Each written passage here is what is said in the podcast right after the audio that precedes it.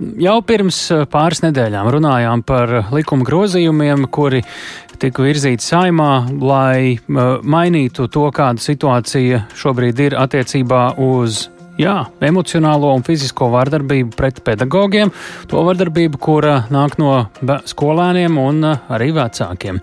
Šobrīd likums ir pieņemts. Toreiz mēs par to runājām tādēļ, ka tur bija norma, kas šos skolēnus aizsūta mājās, uh, prom no skolas, uh, lai tur ar viņiem jau strādātu, un pēc kāda laika viņi varbūt arī varētu atgriezties skolā. Bet šoreiz šajā starplaikā laiks šķiet pirms pāris nedēļām uh, mēs par to runājām.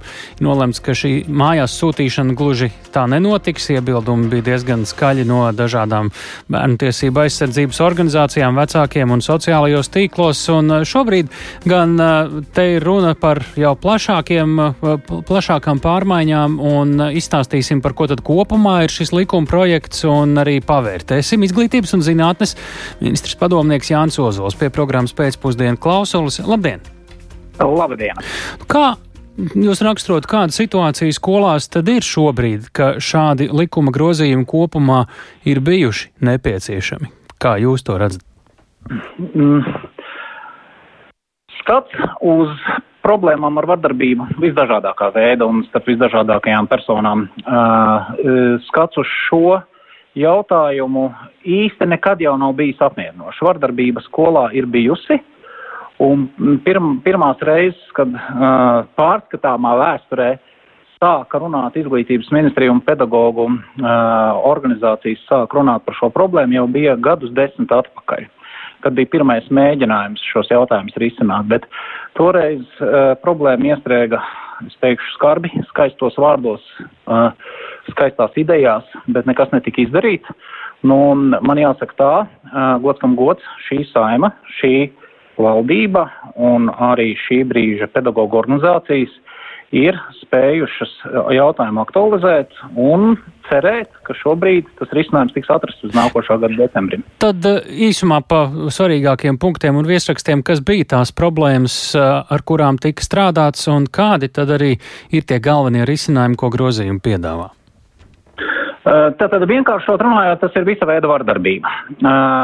Turklāt jautājums ir par to, ka Uh, sistēmiski skatoties, ir, ir nu, vardarbībai dažādi cēloņi, uh, un, un, un skaidrs, ka pedagogi ir izglītoti, lai tiktu galā ar šiem vardarbības uzliesmojumiem, bet mēdz būt gadījumi, kad šī vardarbība pārsniedz kādas robežas vai ir atkārtot un atkārtot un pedagoģiskais kolektīvs vairs netiek galā.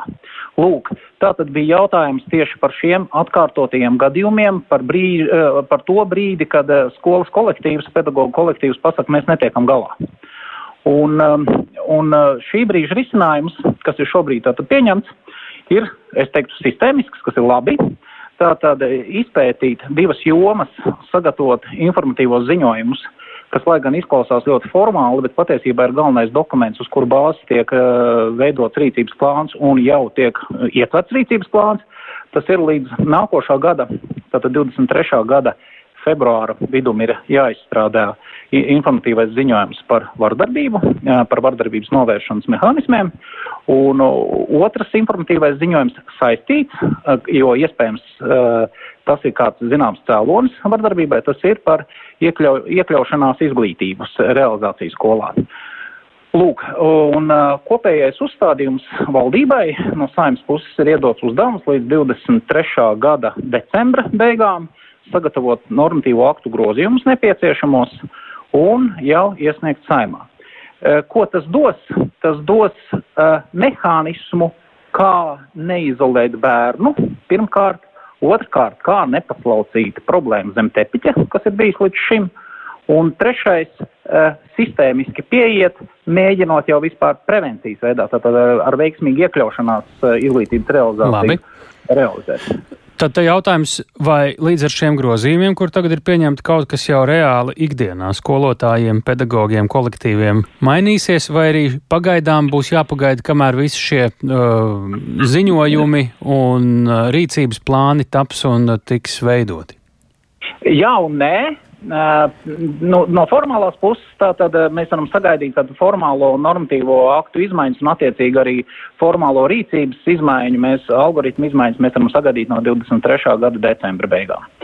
Tas ir, tas ir tāds no formālās puses. Kādēļ es teicu, ka jā, ka jau šobrīd mēs veidojam darba grupas, kurās iekļautu gan skolotāju organizācijas, gan vecāku organizācijas, gan arī saistītās ministrijas, kas ir veselības un labklājības ministrijas, un neapšaubāmi sāsināta uzmanības pievēršana radīs izmaiņas jau brīdī, kamēr mēs strādāsim pie informatīvā ziņojuma. Un kas jau ir šobrīd labi, vēl pat nav izsludināta oficiāli šo darbu grupu sākšanās, kad mums izglītības ministrijā jau aktīvākās nevalstiskās organizācijas jau vēršās pie mums, un tā tad jau principā arī ikdienā jau sāks ieviest tās pirmās atziņas jau dzīvē realitātē. Tad, uh kaut kas skolotāju vai skolu vadības tiesībās līdz ar šiem grozījumiem tagad uzreiz vēl nemainīsies? Ja? Pagaidām. Mainīsies arī. No, mainīsies pastāstiet par ar, to ikdienu, kas jā, tur būs. Mainīsies gluži ne ar šiem grozījumiem, bet ar arī grozījumiem izglītības likumā. Aiz, aiz vardarbības tā saucamajiem grozījumiem ir, ir nedaudz pazudis un nav, nav, nav ievērots, ka ir pieņemti arī finansēšanas noteikumi, ka izglītības pārvaldes varēs būt darba devēja atbalsta personālam, un uh, tūkojumā uz par, uh, dzīvē tas izskatīsies, ka izglītības pārvaldes varēs no meditācijas līdzekļiem veidot uh, brigādes, kurās sapulcināt speciālistus, kas katrai atsevišķai skolai nav pieejami. Un tā tad jau no šo grozījumu stāšanās brīža uh, pašvaldības varēs daudz efektīvāk risināt gadījumus, kad būs kāda varmācības uzliesmojuma vai iekļaušanās vajadzības. Jau faktiski no likuma spēkā stāšanās, grozījuma Jā. spēkā stāšanās brīža. Ja? Jā. Mhm. Labi. Uh, tik tālu uh, mēs sakām paldies Jānim Ozolam, izglītības un zinātnes ministra padomniekam. Pie mūsu klausulas šobrīd pusauģu resursu centra sadarbības projektu vadītāja un mentora dialektiski behaviorālās terapijas speciāliste apmācībā uh, Romija Krēziņa. Labdien! Jā, labdien. Un, ko Jā. mēs šeit dzirdējām? Paši likuma grozījumi, tad, kad jau visnotaļ drīz stāsies spēkā, tā ikdienā ļoti daudz ko neienesīs. Vai tomēr jūs redzat, ka jau šis tas būs mainījies, tad, kad tos pieņems? Tā kā tie um, būs stāsies spēkā tajā.